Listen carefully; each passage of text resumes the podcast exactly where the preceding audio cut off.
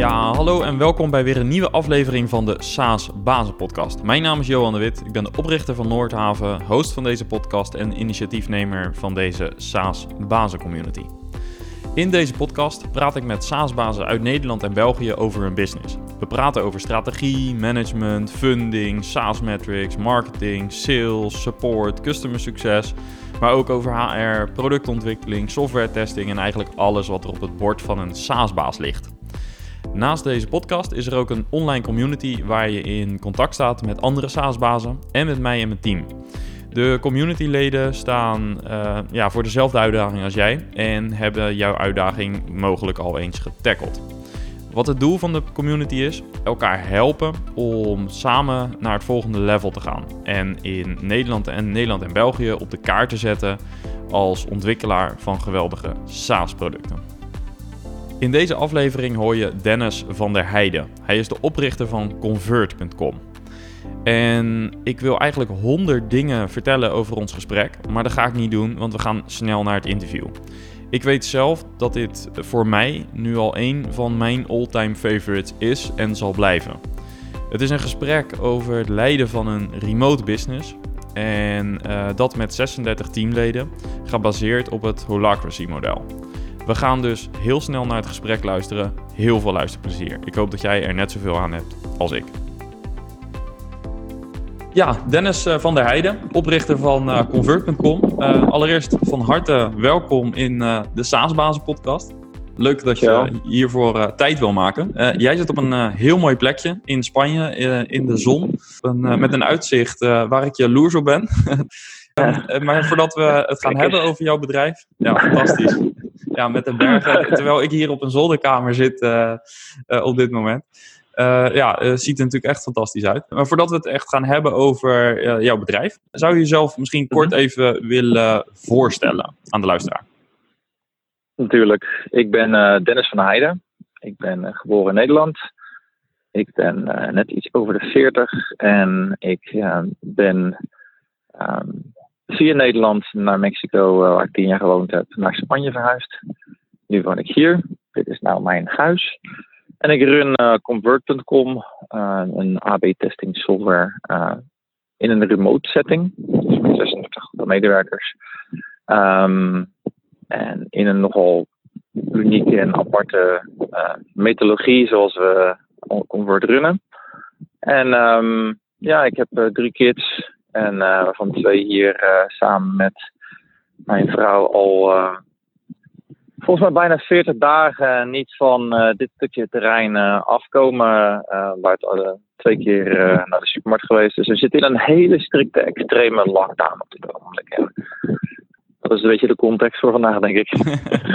ja, zeker. Dus we het zeker over gaan hebben. Over de impact van corona ook natuurlijk op de business en op het leven.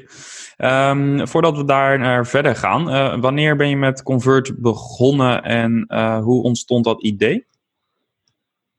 Ik heb um, in, denk ik, 2005 ongeveer een bedrijf gestart in Nederland. Dat heette Orange Republic. Dat het bedrijf uh, dat deed Legion voor eh, CRE, CRM en ERP-machines, um, software en dat soort dingen. Ze hadden we allemaal websites voor. En dat bedrijf wilde ik remote bouwen. In Nederland is het nogal van kom een kopje koffie en zo. Dus ja, we gaan dan eerst uh, de eerste jaar zijn we dan op koffie geweest bij Unit 4 en alle, alle, alle, alle bedrijven in Nederland. En dat is al ongeveer 300 klanten. En in jaar 2 en jaar 3 hebben we dat proberen af te bouwen. Dus uh, in jaar 3 zat ik op een zolderkamertje in Bussum. En deed ik alsof ik al in Mexico woonde. Dus mijn klanten dachten dat ik er al niet meer was. Om gewoon te kijken of dat me ging lukken. En toen ben ik verhuisd naar Mexico, um, naar het noorden van Mexico. En daar uh, begonnen uh, met het bedrijf te runnen vanaf afstand. Toen kwam 2008. En ik weet niet wat jullie deden op 2008. Maar de meeste mensen herinneren dat als wel een flinke crisis. Waarvan de huizenmarkt uh, de basis was. Um, en in mijn geval betekent dat de leads niet zo lekker liepen. Dus niemand zat maar op een ERP-systeem te wachten van een paar ton in 2008. Uh, maar niet, er niet niemand, maar heel weinig. Dus ja, het aantal, aantal, bezoekers dat ik had op die websites en dat ik had zo ongeveer 200 domeinen die allemaal zeg maar leads genereerden in het Nederlandse taal.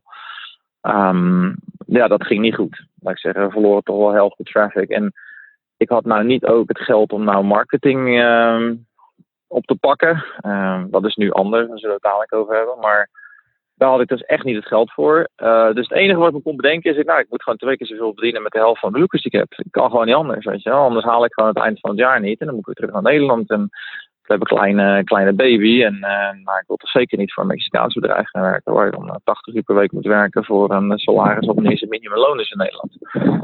Dus dat zag niet, niet zo zitten. En uh, nou, toen kwamen we dus op een paar WordPress plugins die we gebouwd hadden. En uh, dan zijn we extreem gaan personaliseren. Toen van Google kregen we nog alle keywords, dus daar konden we echt heel veel mee doen.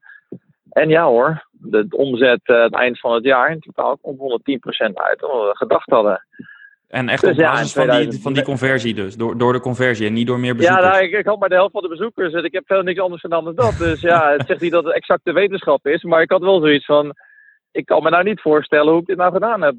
Het enige wat ik gedaan heb is heel veel handmatige regeltjes schrijven. Als mensen CRM zoeken op de crmcentraal.nl. En dan de volgende week eh, laten terugkomen met Microsoft ERP op onze ERP Matrix site. Dan moeten we het combineren. En dan zeggen we, nou, we maken daar een contentblok met het Microsoft logo van. Van uh, Microsoft ERP en CRM kan je combineren in één, één pakket natuurlijk. Weet wel?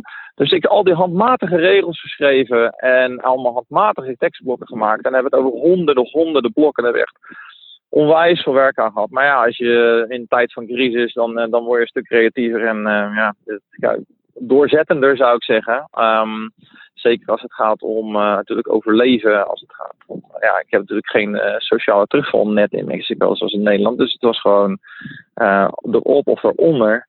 En dan, ja, dan ga je innoveren hoor. Dat kan ik je wel vertellen. in ieder geval ik. Dus dat die druk, misschien die niet, druk maar heeft je goed gedaan. Die druk heeft me echt wel goed gedaan, denk ik. En um, nou ja, aan het eind van het jaar kwam het eruit natuurlijk. En in 2009 begon ik al te denken van, nou, dit is misschien wel iets leuks. Zouden niet die Workspace plugins, zouden we daar iets mee kunnen doen? En uiteindelijk eh, in 2009 in de, in de zomer een bedrijf gericht. En dat is dan zeg maar dit bedrijf wat ik nog steeds heb. Toen heette dat niet convert.com, maar dat is nu uh, zeg maar het domein wat we hanteren in de naam. En daar begonnen we mee. En in, uh, in 2011 kregen we in Mexico uh, investeerders uh, achter ons uit de VS. En ja, dat groeide heel langzaam, maar zeker over een periode van, van natuurlijk nu al, al bijna 11 jaar.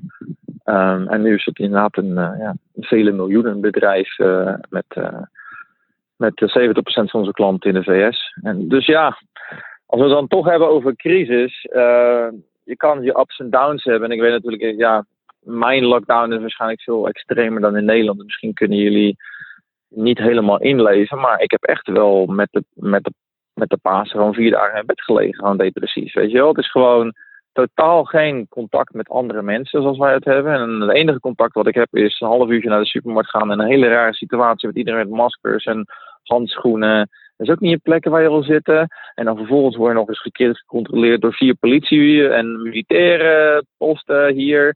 Van als je het dan uh, verkeerd doet, dan krijg je 600, 700 euro aan boetes. En dat is een hele vervelende en rare situatie. En natuurlijk, ja, slaap ik slecht. Ik heb ook 36 man die aan het werk is, die niet kunnen terugvallen op sociale voorzieningen. En uh, dus best wel een heftige, heftige, heftige tijd nu, uh, moet ik zeggen. Maar ja, nu dan ik een beetje eroverheen zit, denk ik toch van ja, Convert is ook begonnen in zo'n crisistijd. Er zijn mogelijkheden en je moet ze zien. En, uh, ja. en als je emotioneel op de, op de pieken bent op die dagen, moet je even, even goed lezen. En uh, nou, nu zijn we denk ik al met een hele integrale strategie bezig die ik misschien dadelijk kan delen. Ja, uh, je zegt een uh, hele hoop interessante dingen waar ik uh, graag op terug wil komen. Ehm, allereerst, wat me opvalt, je geeft aan dat je eigenlijk um, al in een heel vroeg stadium dus remote wilde gaan werken. Um, ik denk dat je je tijd ver vooruit was. zeker als je kijkt naar dat je op dat moment in, in Nederland was. Waar ontstond die interesse en waarom wilde je remote? Nou ja, in de eerste, in de eerste instantie was eigenlijk niet zo heel erg uh, sexy natuurlijk. Het was gewoon Nederlandse, Nederlands inkomen in Mexico is gewoon veel meer waard. We hebben over een verhouding van 1 tot 20 ongeveer. Dus ik, kan, ik, word, ik, ik ben bijna 20 keer zo rijk als ik in Mexico zou zitten met een Nederlandse euro. Um, dus dat is gewoon de basisoorsprong die dat was. Um, dat hebben we natuurlijk drie jaar gedaan. In Convert was het iets anders. In Convert uh, zijn we eerst begonnen met uh, on-site. Dus we hebben de eerste twee jaar hebben we gewoon on-site in een kantoor gezeten met z'n allen. En dat zou ik toch aanraden. Zeker als het gaat om een beginstadium van een start-up, is het toch heel snel switchen. En dan denk ik toch dat remote is langzamer. Ik weet niet of jullie dat nu ervaren, maar ja, je bent toch wat langzamer in het switchen van dingen. Uh, dingen gaan toch, een, toch wel zeker 20, misschien wel 30% langzamer met remote uh, in sommige dingen. En dat kan prima als je een bedrijf aan het uitbouwen bent. Ja, die 20% die snelheid en executiesnelheid die je toch verliest, die compenseer je natuurlijk uh, dat je medewerkers zoveel blijer zijn. en dat, dat uiteindelijk de productiviteit zich, zich heel mooi compenseert daardoor. Maar als je in het begin van een start-up staat, is dat toch niet het ideaal. Uh, dus het eerste was gewoon geld, de eerste drie jaar. Ja. Toen ben ik toch echt naar, eh, naar on-site gegaan en hebben we toch acht medewerkers on-site gehaald. Toen zijn we teruggeschaald naar twee en dan zijn we het weer op gaan bouwen in een remote setting. Maar toen, toen wisten we dat we echt een ERB-testing tool gingen worden met personalisatie als, uh, als bijproduct. En toen we dat eenmaal wisten, dan, als je echt al, dan hoef je alleen maar, zeg maar op te bouwen. Dus eigenlijk zeg je, maar je voor dat minimal hele... viable product. En, ja. Sorry, ga je gang. Ja, dus eigenlijk zeg je, je hebt, je hebt eigenlijk wel echt een heel duidelijk uh, focuspunt nodig uh, wat je moet hebben voordat je echt uh, aan remote zou moeten gaan starten. je, je moet eigenlijk niet in, een, in de fase zitten dat je nog je product moet valideren, omdat je dan ook gewoon te veel tijd verliest in die validatie, wat super kostbaar is. Ja, ik durf niet het, het, het zo breed te trekken. Het werkt niet voor mij. Dus dat is heel belangrijk natuurlijk. N is 1 in dit geval. Uh, als het gaat om statistieken, en dat zijn wij als bedrijf. Maar um, wat ik gewoon niet prettig vind, is um, um, dat op het moment dat de ideeën zeg maar weer, weer vijf uh, klantinterviewen gaan houden en dan zeggen van nou we moeten toch weer 10% naar rechts. Dan zitten daar developers en die moeten dan weer 10% naar rechts, weet je wel. En dan is het toch soms handig om even over de schouder van mensen te leunen en, en zeggen van uh, ja we moeten toch die kant op en uh, dan zou ik dat daar naar rechts zetten en dit naar links en dan, dan bouw je weer, je hebt niet een hele proces georganiseerde organisatie nog. Dus het is gewoon van iedereen doet alles. En dan is het gewoon fijn als je even bij elkaar zit en zegt van wat vind je hiervan? En even over de laptop. Ja, nee, inderdaad, een stukje naar rechts en dan is het wel helemaal toppie. Ja. Uh, zo, zo zou ik dan, uh, en dan denk ik toch, je zit allemaal in één kamer met, uh, met vier, vijf laptops open in die beginstadium. Is toch denk ik echt wel mijn voorkeur. En ik zeg niet universeel, want ik ben toch wel heel erg voorzichtig met dingen zo breed te trekken. Maar ik zou het niet meer doen. Ik zou het niet doen. Nee. Zelfs als we aan een nieuw product werken, dan zou ik zelfs het subteam twee weken bij elkaar zetten in een hotel, ook al zijn we remote. Ja. Dan zou ik dat toch uh, beter doen dan dat ik uh, zo'n subteam, zeg maar, um, um, op afstand naar iets, iets laat werken. En uh, dat zien we dan als we een jaarlijkse bijeenkomst hebben met Convert. Dat was afgelopen jaar was dat in Bali. En dan, dan zie je hoe snel dingen gaan als je dan weer allemaal even bij elkaar bent. Ja. Dus dat is dan dus voor sommige dingen is uit elkaar goed. En dan denk ik vooral als het gaat om groei.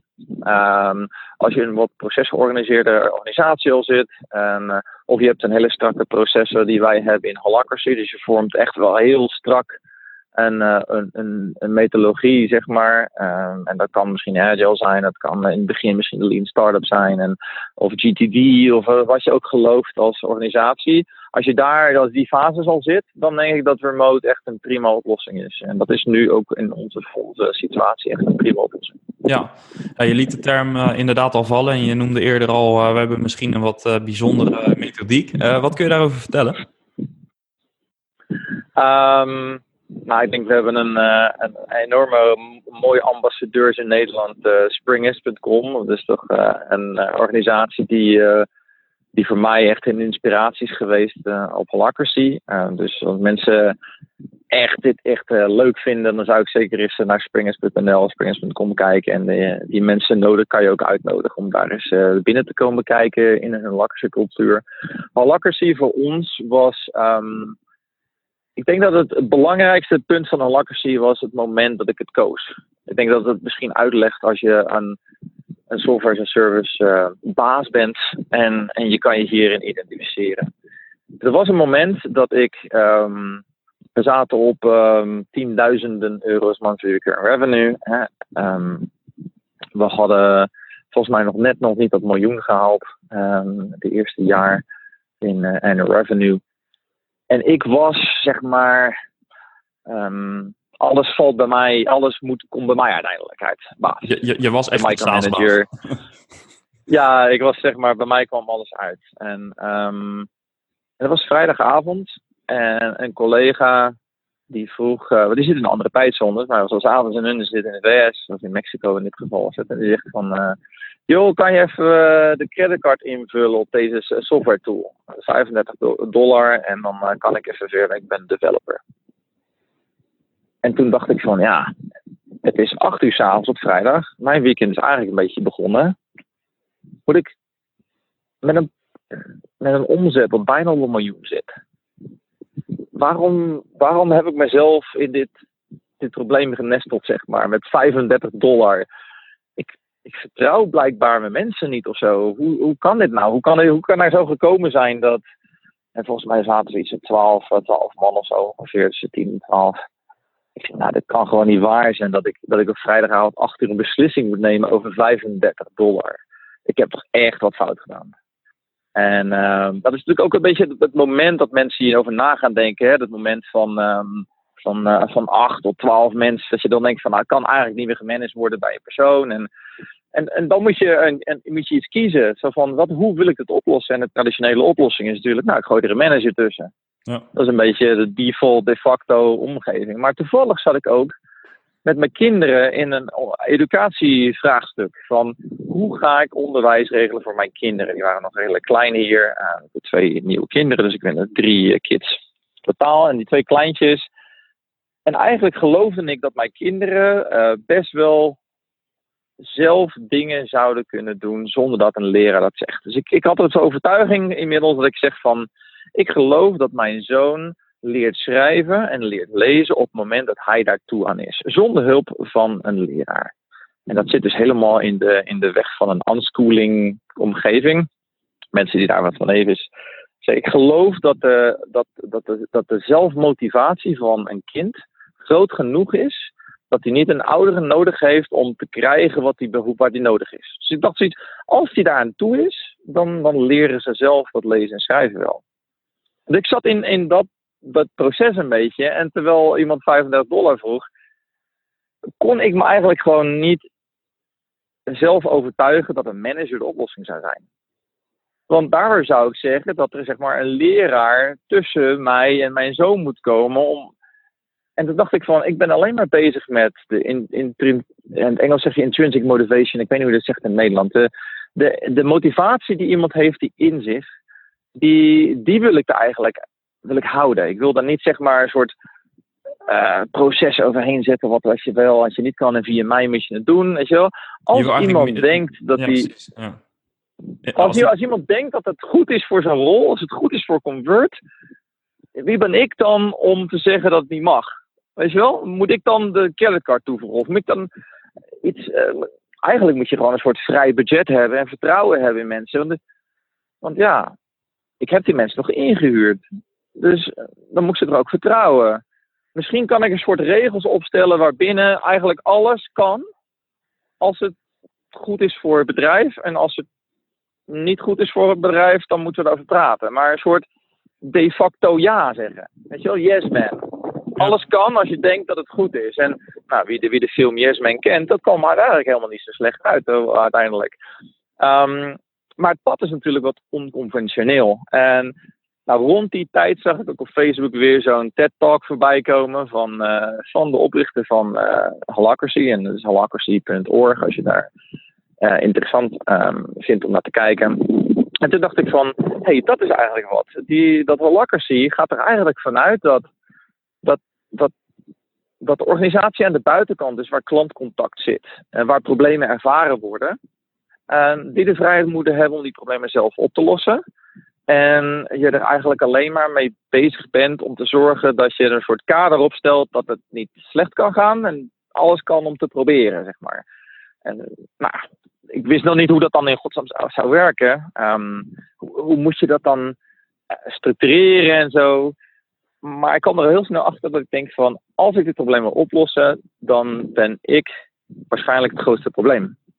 Je bent zelf de obstakel, zeg maar. Dat was eigenlijk uw conclusie. Ik ben het obstakel van natuurlijk dit probleem. Want als ik zeg maar een soort micromanager ben, en ik heb dit nog nooit gedaan, zo'n bedrijf zo groot maken als, dit bedrijf is. Dus dat is echt mijn eerste keer. Dan, uh, dan ben ik dit probleem. Dan kan ik natuurlijk uh, aan mezelf werken. Maar ik had zoiets van, nou ja, ik zou eens gewoon kunnen kijken wat het holacracy kan gaan doen. En hoe meer ik me daarin verdiepte, hoe beter ik erin geloof, meer ik erin geloofde. En holacracy werkt met een soort uh, constitution. ik weet niet hoe je dat zegt. Een, uh, nou, Amerikanen werken ook. We hebben gewoon een document. En dat is de wet. Dat is de wet van Convert. Dat staat ja. gewoon op holacracy.org. Daar houden we ons aan. En er staat in hoe alles geregeld wordt.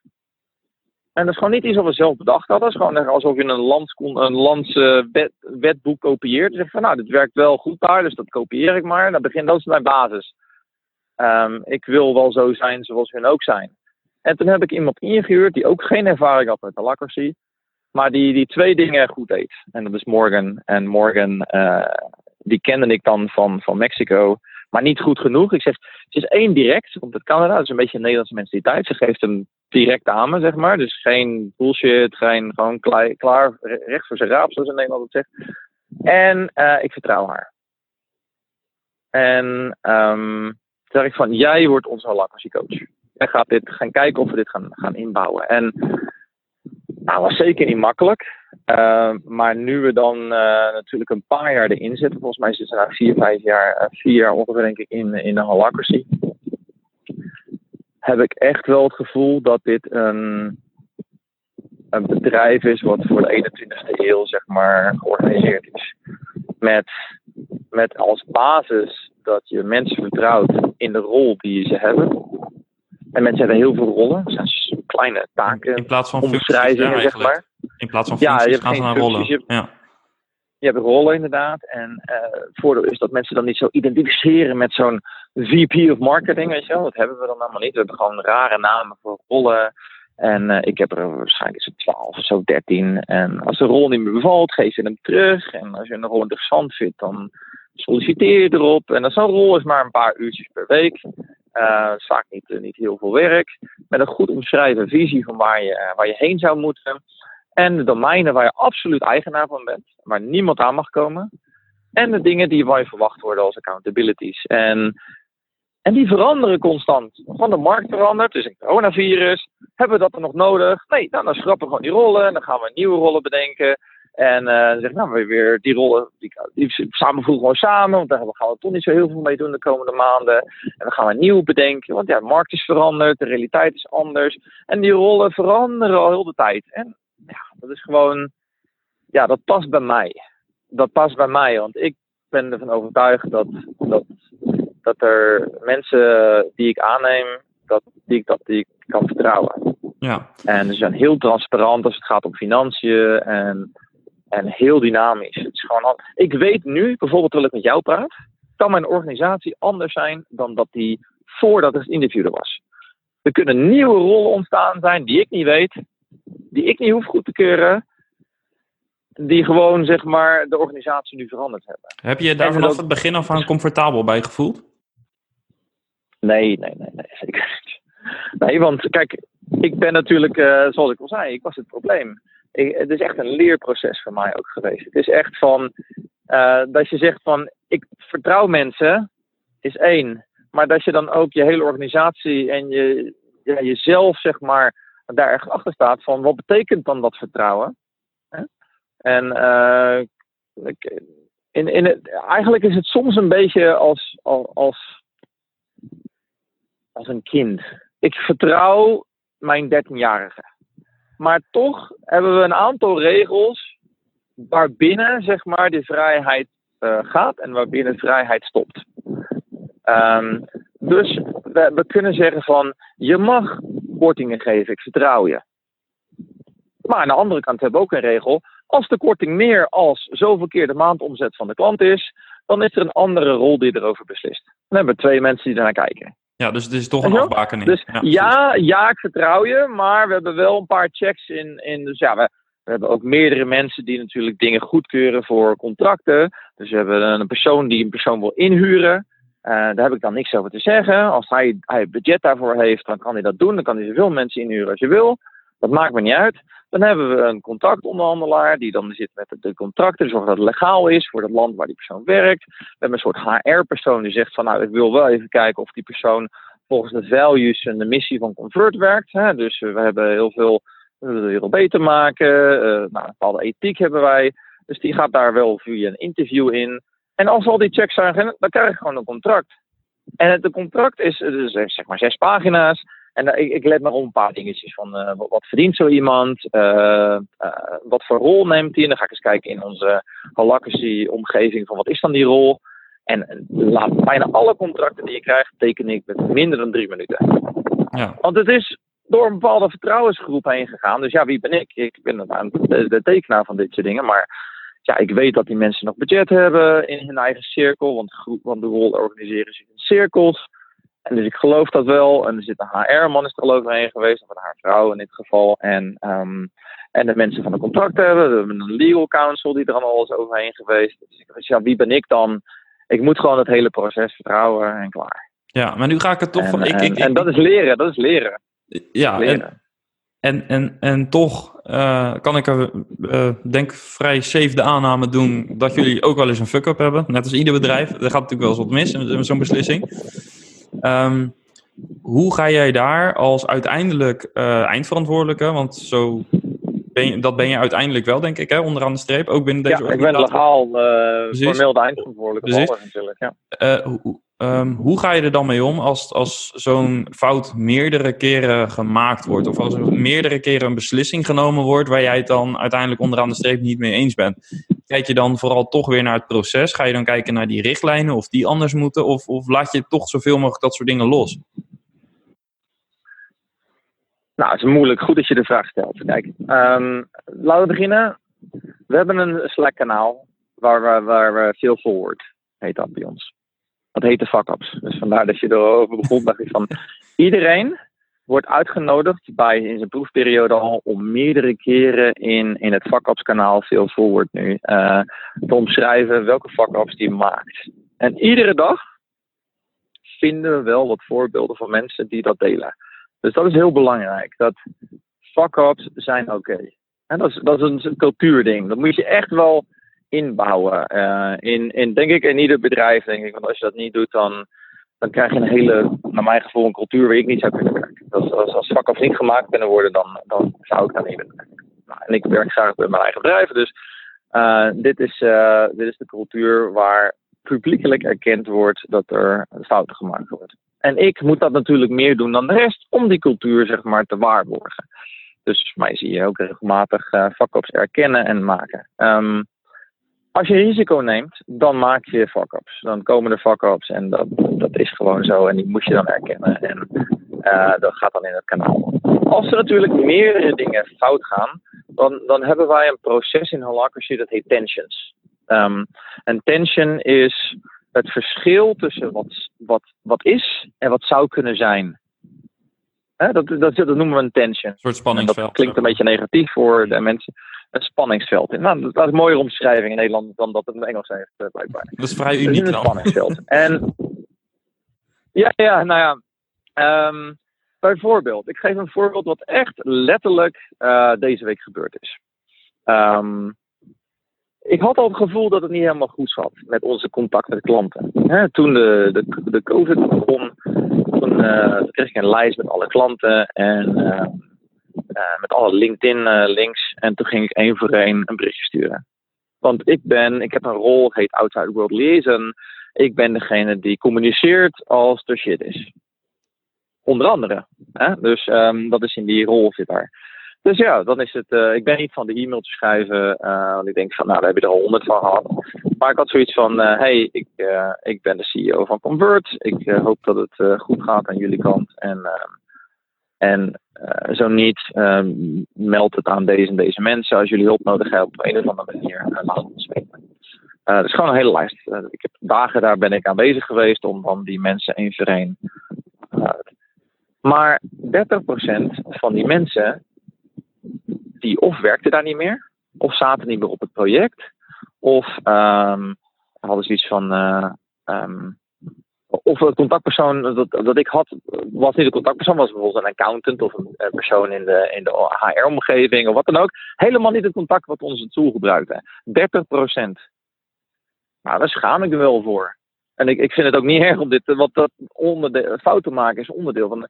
Dan denk ik van, hoe kan het nou zo zijn dat ik blijkbaar een lijst krijg met 30% van de mensen die eigenlijk niet de contactpersoon is. Hoe kan dat nou? Er zit toch echt iets fout bij mij?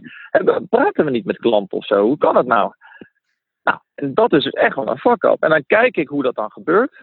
En dan zie ik inderdaad van, ja, we zijn toch best wel um, passief. je krijgt uh, sales en uh, we hebben niet echt een account management omgeving. Want dat, dat is een self-service SaaS een beetje. Dus, um, maar ja, aan de andere kant, als je ons 600 euro per jaar per maand betaalt, dan mag je toch wel verwachten dat we in ieder geval weten wie dan de stoel gebruikt. Echt wel, nu, zeg maar. Uh, niet in 2017, maar nu.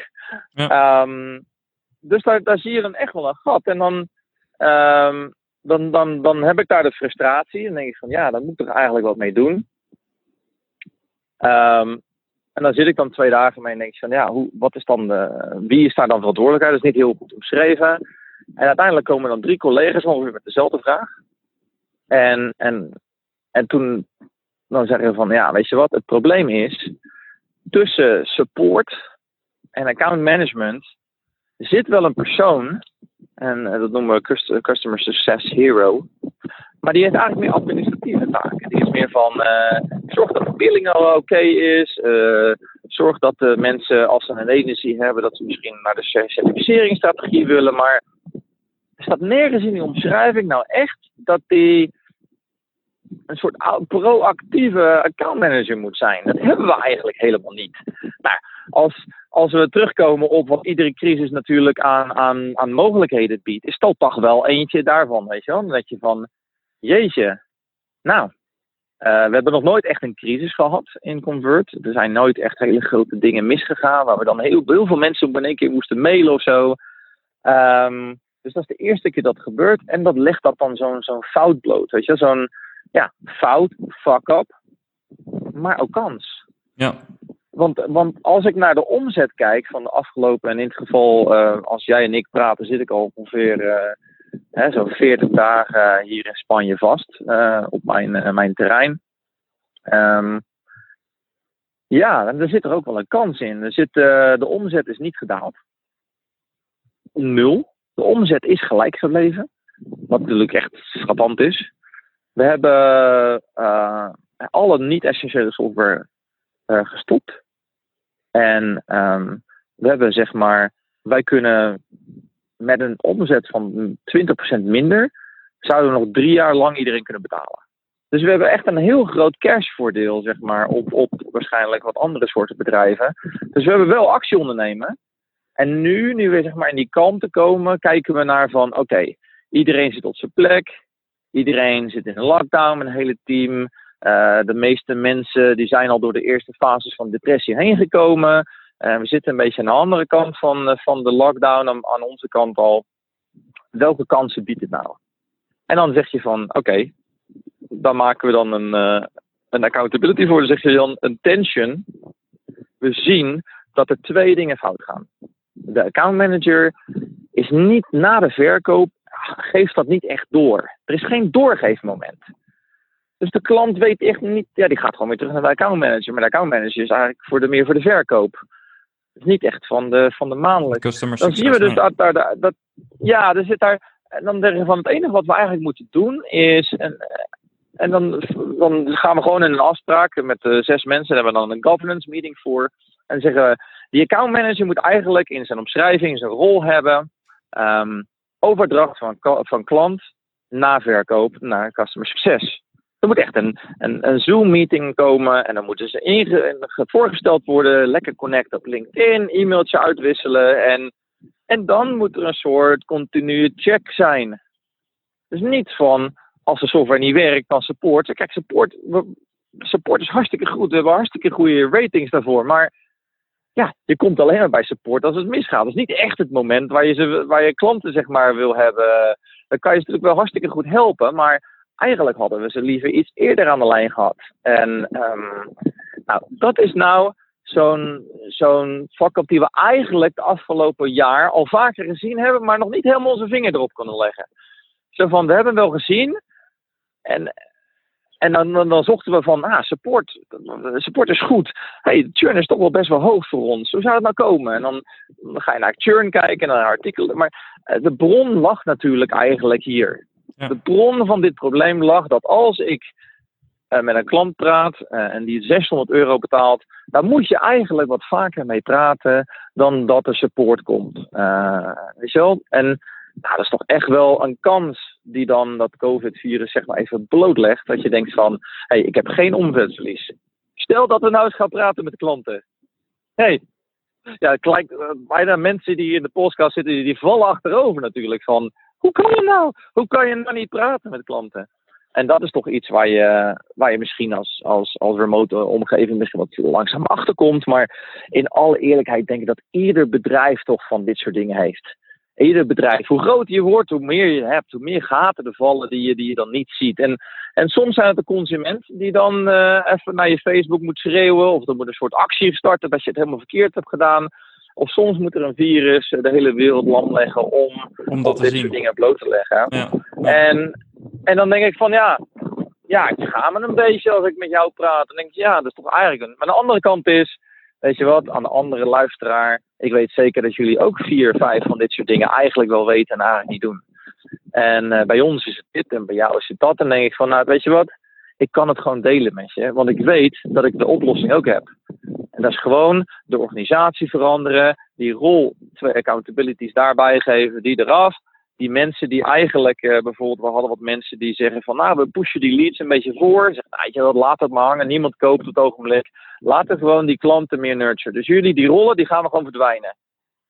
Maar ik, ik zat er 25 uur per week, zal ik dat te doen? Tja, nou ja, dat is helemaal niet de tijd om nou te pushen in de verkoop. Dus we gaan gewoon lekker de klantjes tevreden houden. Daar zat een gat. En we hadden maar één persoon die dat deed. Nou ja, dan ga je er nou eens hierop. Ja, dat, dat en maakt de organisatie heel, wen, heel, heel snel. wendbaar. Ja, precies. Ja. ja, dus het is... En de mensen die, ja, die... Omdat ze niet getrouwd zijn met die functie... en ze twintig dingen doen... is het ook makkelijker om iets weg te nemen bij Ja, het is ook niet zo'n gevaar. kan ze- je, Precies, ja. ja, je kan eh, al mijn medewerkers kunnen op LinkedIn zichzelf noemen wat ze willen. Als ze maar niet de chief nog wat zijn, want dat geeft legale problemen. Maar je mag van mijn part director operations zijn. Het boeit me niet. Het boeit me echt niet. Want dat is totaal niet relevant voor onze organisatie. Wat mij boeit is, als jij denkt dat het voor je carrière helpt LinkedIn dat te doen, prima. Maar in Convert heb je twintig dingen die je doet en die moet je flexibel houden. Die moeten we altijd aanpassen. Kijk naar je eigen rol vandaag en zeg je van, "Ah, ik heb al zes maanden die, die vier dingen niet gedaan van die zes. Weet je wel, dat is eigenlijk helemaal niet nodig. Laten we ze gewoon schrappen. Doen we niet meer. Ja.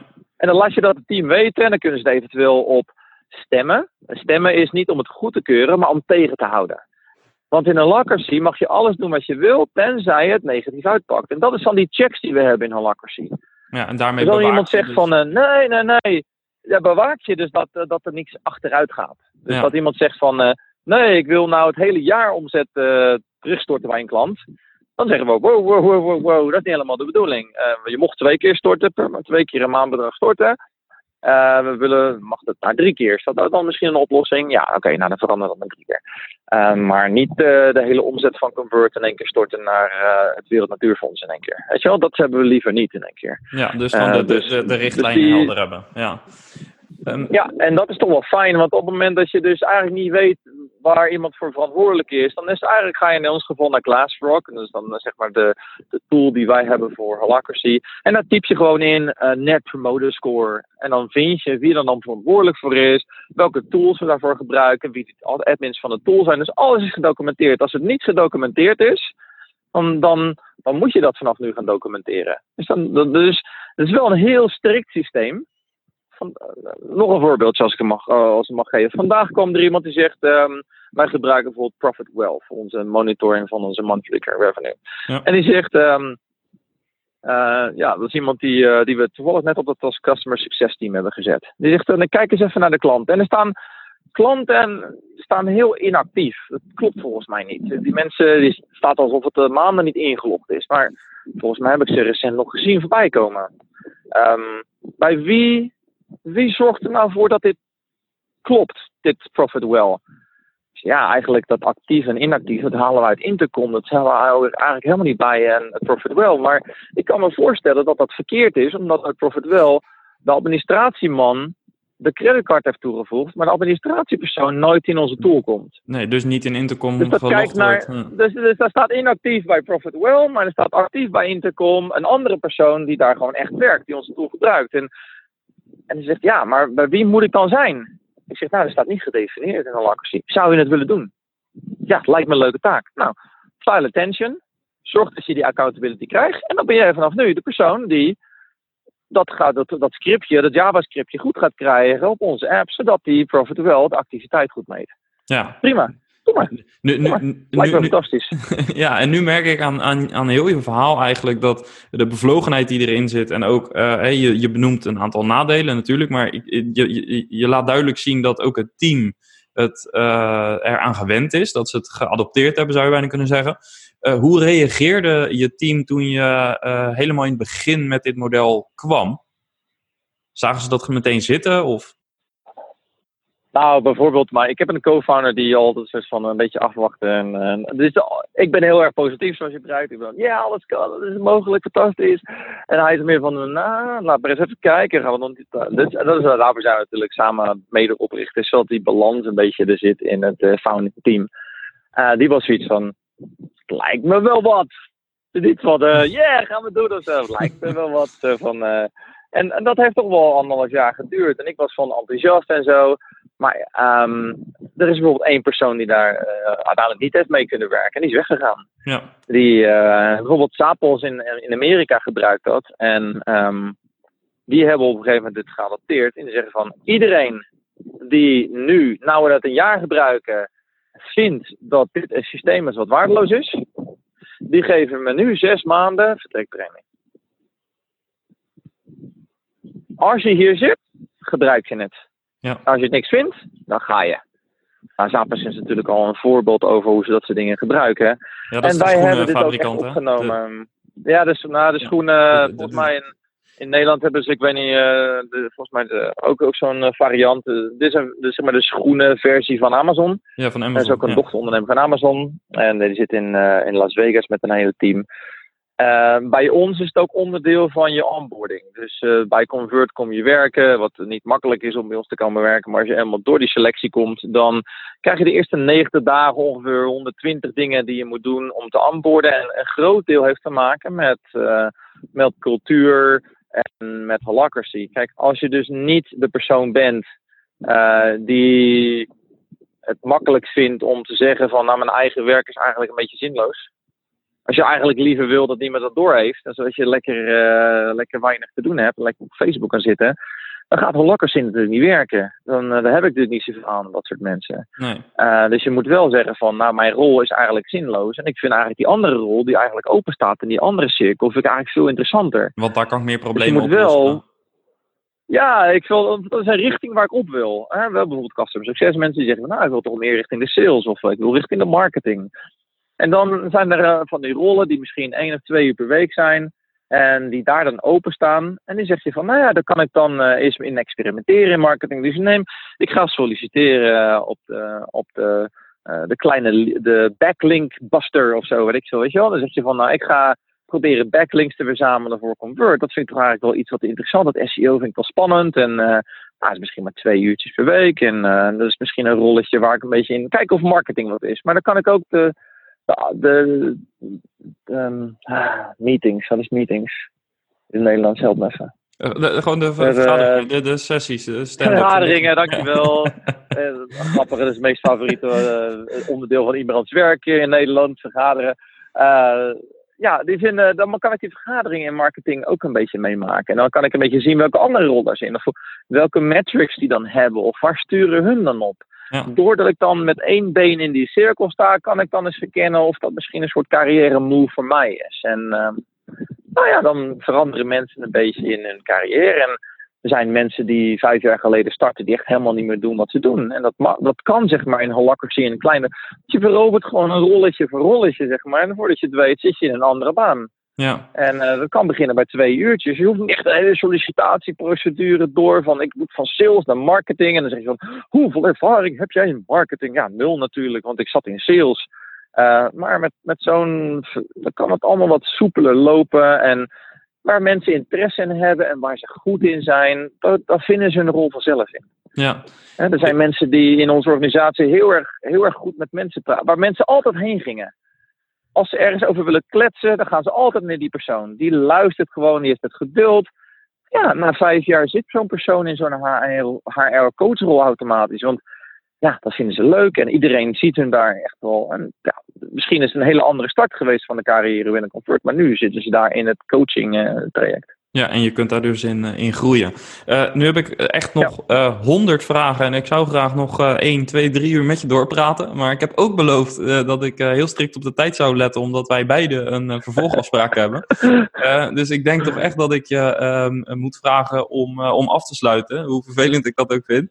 Um, mag ik je nog vragen om toch een finale tip te geven aan andere SaaS-ondernemers die overwegen om hiermee te starten? Uh, wat zou heel kort een, een tip van jouw kant uh, zijn? Misschien zeker in deze lastige coronatijd. Ja, iets waar, ik, uh, waar mensen wel eens mee komen is van, nou, wat is dan zeg maar de basis van succes van remote? Hè? En wat is dan de basis van succes van holacracy? En ik denk dat het toch iets komt wat ik al eerder genoemd heb, maar ik nou de kans krijg om het nog een keer te zeggen, is het vertrouwen als je de persoon die je inhuurt niet vertrouwt, dan moet je hem niet inhuren. En als je hem vertrouwt, dan moet je hem een takenpakket geven, in ons geval van de eerste 90 dagen bijvoorbeeld, om te kijken of, of dat vertrouwen in hoeverre je dat kan, kan geven. En na die 90 dagen moet het over zijn. Dan moet je zeggen, je komt bij ons.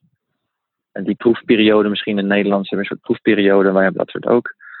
En dan moet het over zijn. Als je iemand vertrouwt, dan moet je eigenlijk. Um, dan, dat is het succes van remote en dat is het succes van holacracy. En dan moet je toch echt even naar jezelf kijken. Vertrouw ik echt die mensen?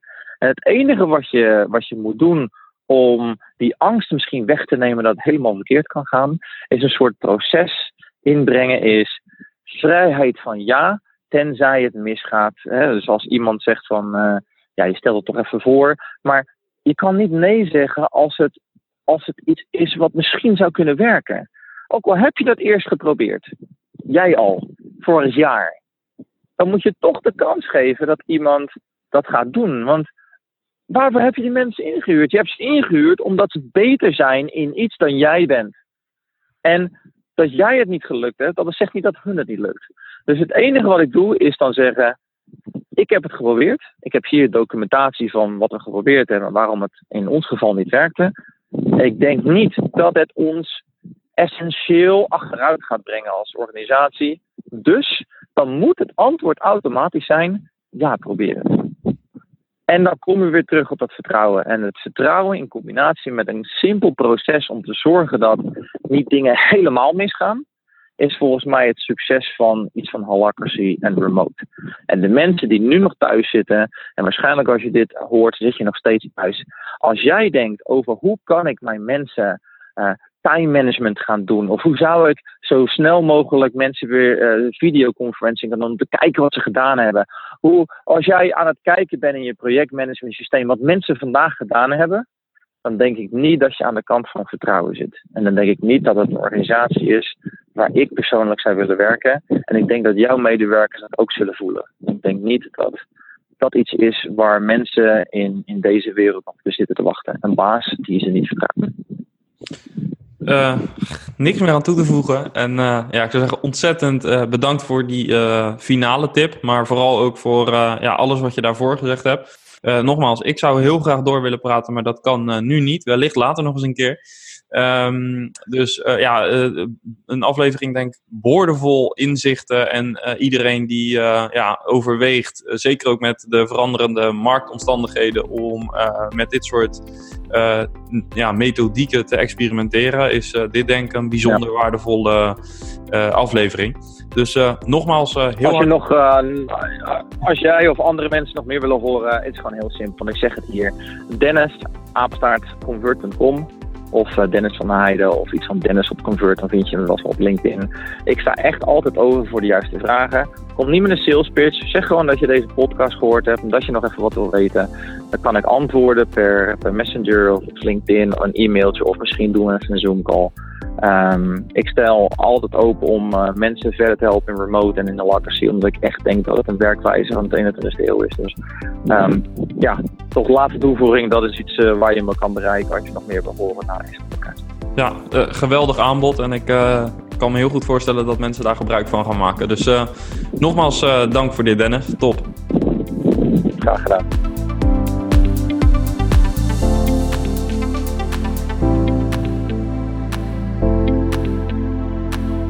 Deze podcast werd mede mogelijk gemaakt door Security. Security helpt softwarebedrijven met het beveiligen van hun SaaS-applicaties. En als partner van de SaaS Bazen Community helpen ze je graag om ook jouw applicatie veilig te maken en te houden. Kijk op security.nl voor meer informatie. Ja, en soms kom je dus tijd tekort. Ik uh, hoop dat jij hier net zoveel inspiratie uit hebt gehaald als ik. Uh, want Dennis heeft met al zijn ervaring en openheid uh, denk geweldige inzichten gegeven die voor heel veel SaaS-bazen heel erg interessant zijn.